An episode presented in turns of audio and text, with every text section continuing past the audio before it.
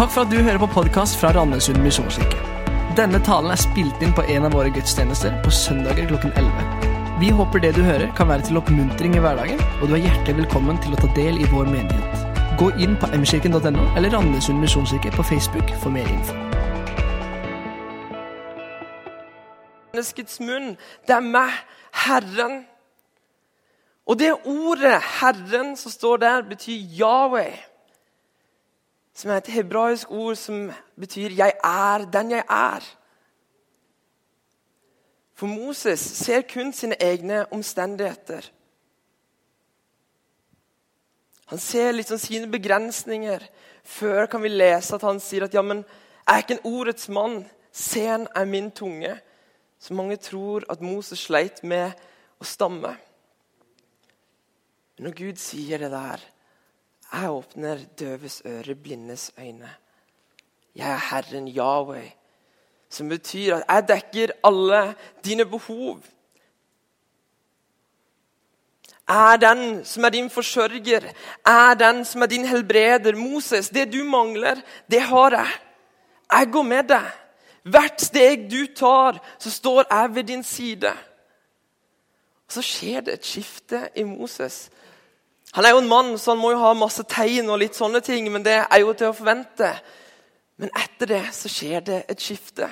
Han går fra å være liksom Her er jeg, med mine begrensninger, er ingenting å gjøre, jeg er ukvalifisert. Jeg kan ikke gjøre noe. Til å flytte seg over til et sted der Gud er med meg. Det er ikke meg som skal prestere, det er han som skal prestere. Ja vel, jeg er ukvalifisert, men han er kvalifisert. Og Så leser vi videre om at han leder israelsfolket, altså Moses, leder israelsfolket ut av Egypt. Og så er han kommet til Rødehavet. Jeg lurer på, jeg skulle gjerne vært en flue på veggen i den settinga der. Ikke at det var så mye vegger akkurat ute i ørkenen, men det får bare være. Men bare se for deg, Der har du akkurat tatt med deg en haug av barn og damer. Og det er liksom ikke mye, De er ikke mye sverd de har, det er ikke noen hester liksom, som kan angripe. Det er ikke bare å si attack, og så løper den gjengen med krigere. Det er ikke det. Så kommer en haug med romere, med liksom alt, nei, egyptere, beklager, som kommer med alt det de har å komme med. Med sverd, med skjold, med hester som har liksom masse rare greier på forhånd. Med vogner. Hadde jeg vært Moses da, så hadde jeg tenkt hva gjør jeg nå? Enten så hadde jeg latt som kanskje jeg var et tre, eller jeg latt som at jeg var en stein, eller jeg hadde sagt det var han. Det var ikke meg. Jeg lover, det var han. Kanskje hadde gjort noe sånn. Men pga. det skiftet som har skjedd hos Moses, så vet han at det, det hviler ikke på han. Men det hviler på Gud som er med han. Så han går frem til havet, tar tak i staven sin og løfter han opp. Og så deler Gud havet. Og Det fascinerer meg videre med Moses. Vi kan lese i 5. Mosebok at det har ikke vært et menneske siden som har, le, som har levd så nært til Gud som det Moses gjorde. For han visste at det som var spesielt med israelsfolket, det var ikke at eh, Moses var en så utrolig god leder. Det var ikke hans slåssegenskaper som gjorde at alle ble livredde. Det var én ting som var forskjellig fra israelsfolket og de andre folkene, det var at Gud var med dem. Moses sjekka ikke Unibet før en krig og tenkte liksom åh, her ligger vi dårlig an. ass. Vi må bare snu. Nei, han var Gud, er du med meg? Ja, da går vi. Gud, er du med meg? Da går vi. Og Det er dette skiftet her som fascinerer meg. Der man går fra å se sine egne omstendigheter du har kanskje noen ting som du tenker til deg selv ja, men dette er min forhistorie. Dette er det jeg har gjort. Gud, du kan ikke ha noe med meg å gjøre. Til å flytte seg over til at det er ikke meg det hviler på, det er deg. Det er du som presterer, det er ikke meg. Jeg er ukvalifisert, men du er kvalifisert. For studenter så er det kanskje den der følelsen av å få en F eller en ener, jeg vet ikke hvilken karaktersystem du har. Å få denne eksamen, da føler man seg så ukvalifisert. Man føler seg ikke god nok. Man tenker at ja vel, hvis jeg ikke lykkes på skolen, hvordan kan jeg da lykkes i mitt trosliv? Eller kanskje den der følelsen når du har fått en jobb og blir, liksom, folk begynner å snakke er han der kvalifisert til å stå i den stillinga. Er han egentlig det? Eller som vi vet om alt det utfordrende som har skjedd nå på NOV og rundt oljekrisa, at når man mister jobben sin, den følelsen det må være å føle seg ukvalifisert. Og det jeg har lyst til å si, er at det stopper ikke der. For jeg vil spole frem noen år fra den historien om Moses.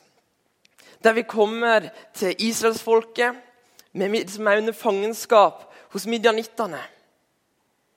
For de har vært syv år i fangenskap hos dem. Og Det vi vet om midjanittene, er at de er en nasjon av gresshopper. blir det beskrevet som. De er så mange at man klarer ikke å telle hvor mange de er, hvor mange esler de har, eller de, hvor mange de rett og slett er. Og når israelsfolket hadde liksom la ut avlinga si og skulle huske, høste den, så kom midjanittene og bare ødela alt. Hver gang jeg sier avling eller sånn å høste, så tenker jeg på Roy Foss eller folk fra Jæren. Så hvis det er noen som sitter her og føler seg fornærma av det, så tilgi meg for det. Men når de høsta det, så kom bare midjanittene og ødela alt. Og israelsfolket, som tidlig hadde liksom stolt på Herren, som hadde lagt sin lit til han, var nå blitt redde og blitt pingler. For når kommer midjanittene og tar oss? Men Gud bruker ukvalifiserte mennesker til ekstraordinære hendelser. Det skal vi lese litt sammen. Da israelittene ropte til Herren pga. midjanittene, sendte Herren en profet til dem.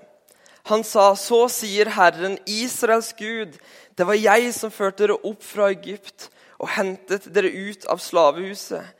Jeg berget dere ut av hendene på Egypten og fra alle som undertrykte dere. Jeg drev dem bort for dere og ga dere landet deres. Jeg sa til dere, jeg er Herren deres Gud.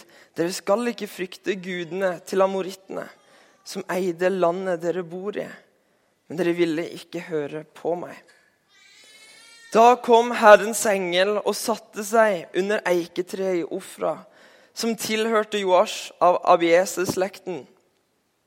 Gideon, sønnen av Joash, holdt på å treske hvete i vinpresten for å berge kornet fra midjanittene.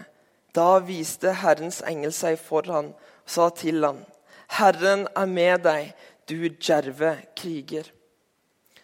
For her har du også en ganske lik setting. Israelsfolket trenger en til å lede de ut. Men vi hadde aldri trodd at det var Gideon som skulle bli valgt. Det vi vet om er at han tresker hvete i en vinpresse. Og ut fra hva jeg fant om en vinpresse, så var det som et sånt hull i bakken. Der man liksom kunne legge hveten sin, sånn at sola kom fortsatt på det, og man kunne gjemme seg inn til kanten. Han var rett og slett livredd. Og der så møter Gud han og kaller på han, du djerve kriger, på hva som ligger inni han, Gud bruker ukvalifiserte mennesker til ekstraordinære hendelser.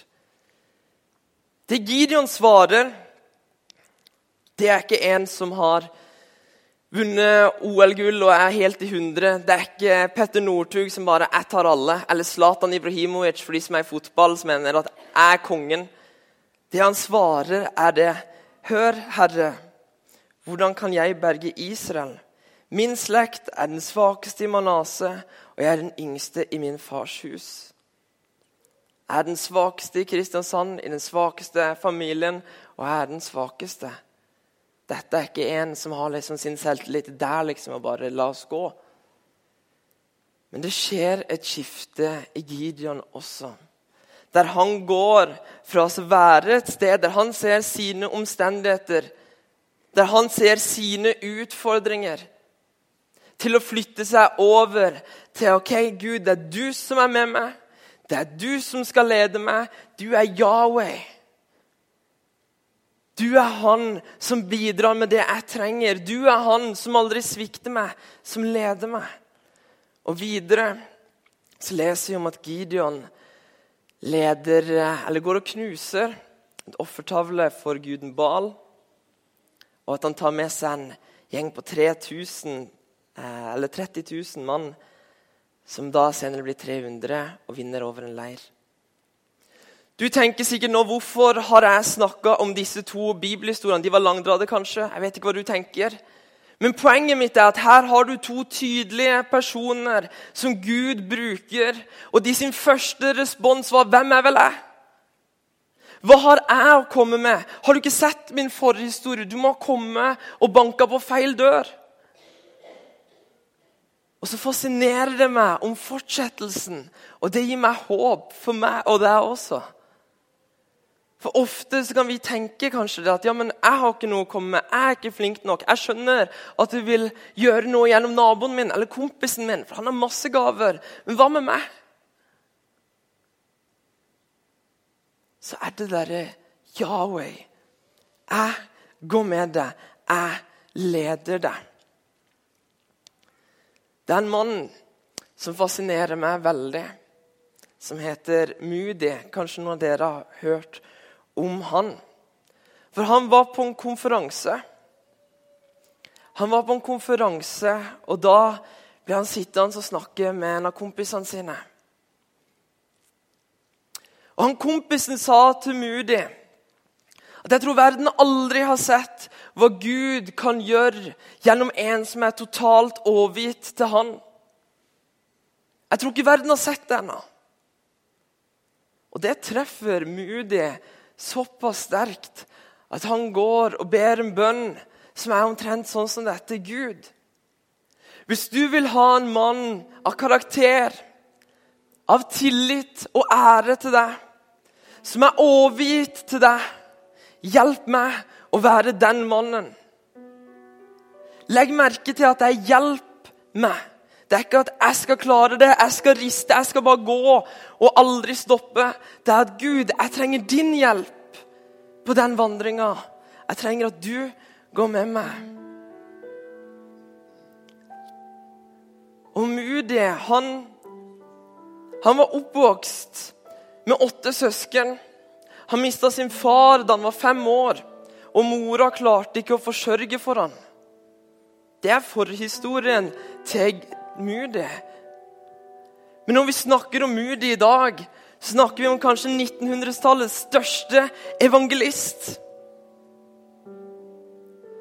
Ifølge mine kilder på Christianity Today kan vi bedømme selv om han er god eller ikke, så arrangerte han møter for over 100 millioner mennesker der han presenterte Jesus sitt evangelium om at Jesus er kjærlighet.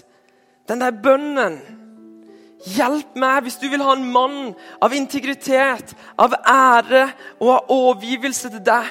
Hjelp meg å bli den mannen. Du sitter kanskje og tenker det var voldsomt skrikete han der på scenen var. Det går greit. Men jeg har lyst til å spørre deg. Har du lyst til å være en sånn mann? Har du lyst til å være en sånn dame? Og jeg skal ikke si at det alltid kommer til å være lett. For jeg tror at det fins en fiende som har lyst til å stoppe deg. Ikke pga. at du er lett å ha med å gjøre, men pga. at han er livredd for hva Gud kan gjøre gjennom oss når vi er overgitt til han. Ofte så stopper vi med at fortida vår den gjør at vi tenker at vi er ukvalifiserte. Ja, 'Dette har jeg gjort før. Dette er min historie.' Og det jeg har lyst til å si, at hvis fienden anklager deg for din fortid, for hva som ligger bak, for hvilke valg du har tatt, så kan du gå rett til han og forklare han hva som skjer i hans fremtid. For han som er på vårt lag, han som vandrer med deg Døden kunne ikke stoppe han, og grava kunne ikke holde han. Han er den som står side om side med deg. For vi er ikke kalt til å kunne alt. Vi er ikke kalt til oss å dele havet. Men vi er kalt til å ha tro til å løfte staven, sånn som Moses gjorde. Vi er ikke kalt til oss å skulle få hele jobben vår eller skolen vår til å bli frelst, men vi er kalt til å bringe hans kjærlighet der vi er. Vi er ikke kalt til å kunne helbrede. Vi er kalt til å legge hånd på de syke og se Han helbrede. Ofte kan vi høre en stemme som sier at det er bare å gi opp. Du har ikke noe å komme med. Bare dropp det, du kommer til å drite deg ut. Men da vil jeg også si at det reiser seg opp en annen stemme som sier at 'jeg går med deg'. Jeg svikter deg aldri. Ja vel, om du faller, så skal jeg gå med deg. Jeg er den som reiser deg opp, jeg er den som bærer deg når du ikke kan gå. For fienden sier at du er ikke vakker nok, men Gud sier at du er et underverk. Fienden sier at du er aleine, men Gud sier at selv om du vandrer i dødsskyggens dal, så er jeg med deg. Fienden sier at ingen elsker deg, men Gud sier at han elsker deg med en evig kjærlighet. Han ga opp alt han elsker for å være med deg.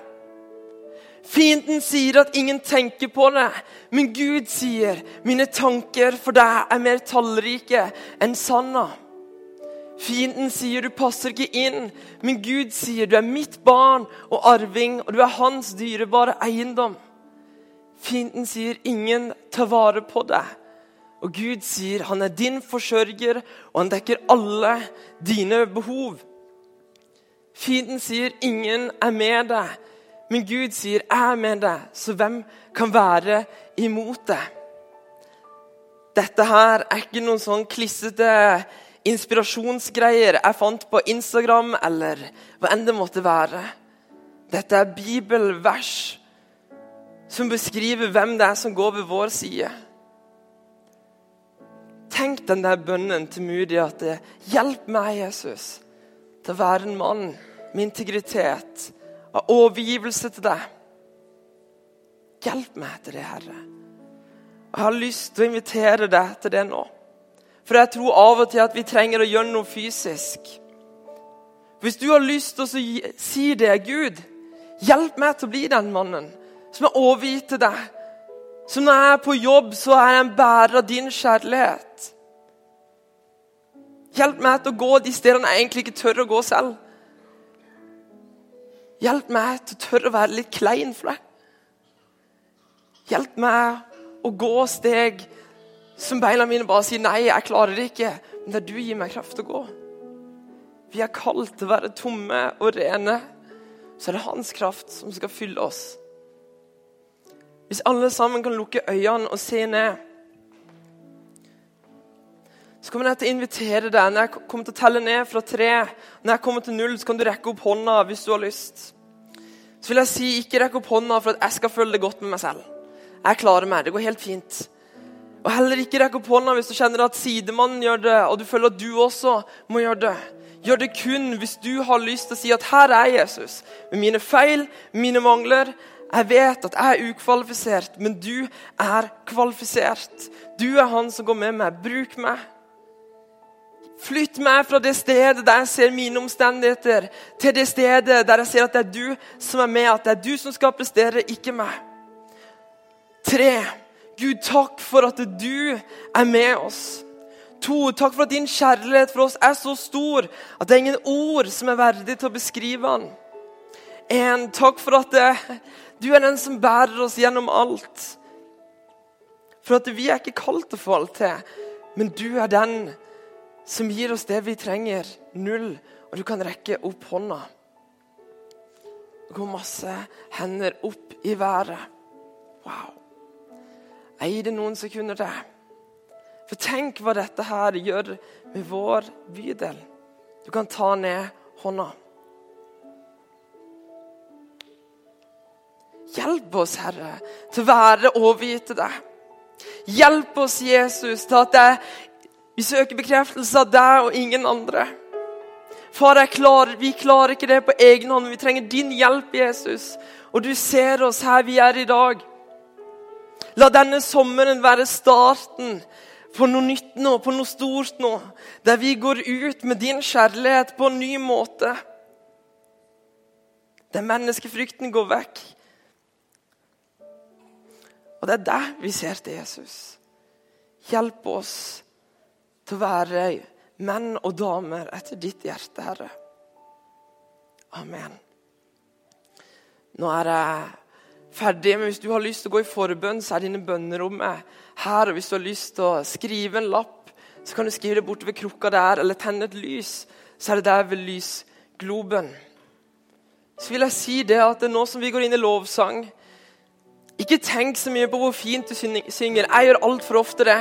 Men så må jeg bare tenke at det er faktisk ikke de rundt oss vi synger for, men det er for Gud. Og jeg synger garantert falskere enn deg uansett, så det går helt fint. Jeg var på en konsert en gang, en lovsangskonsert. da Han som hadde han avbrøyt og sa det at stopp.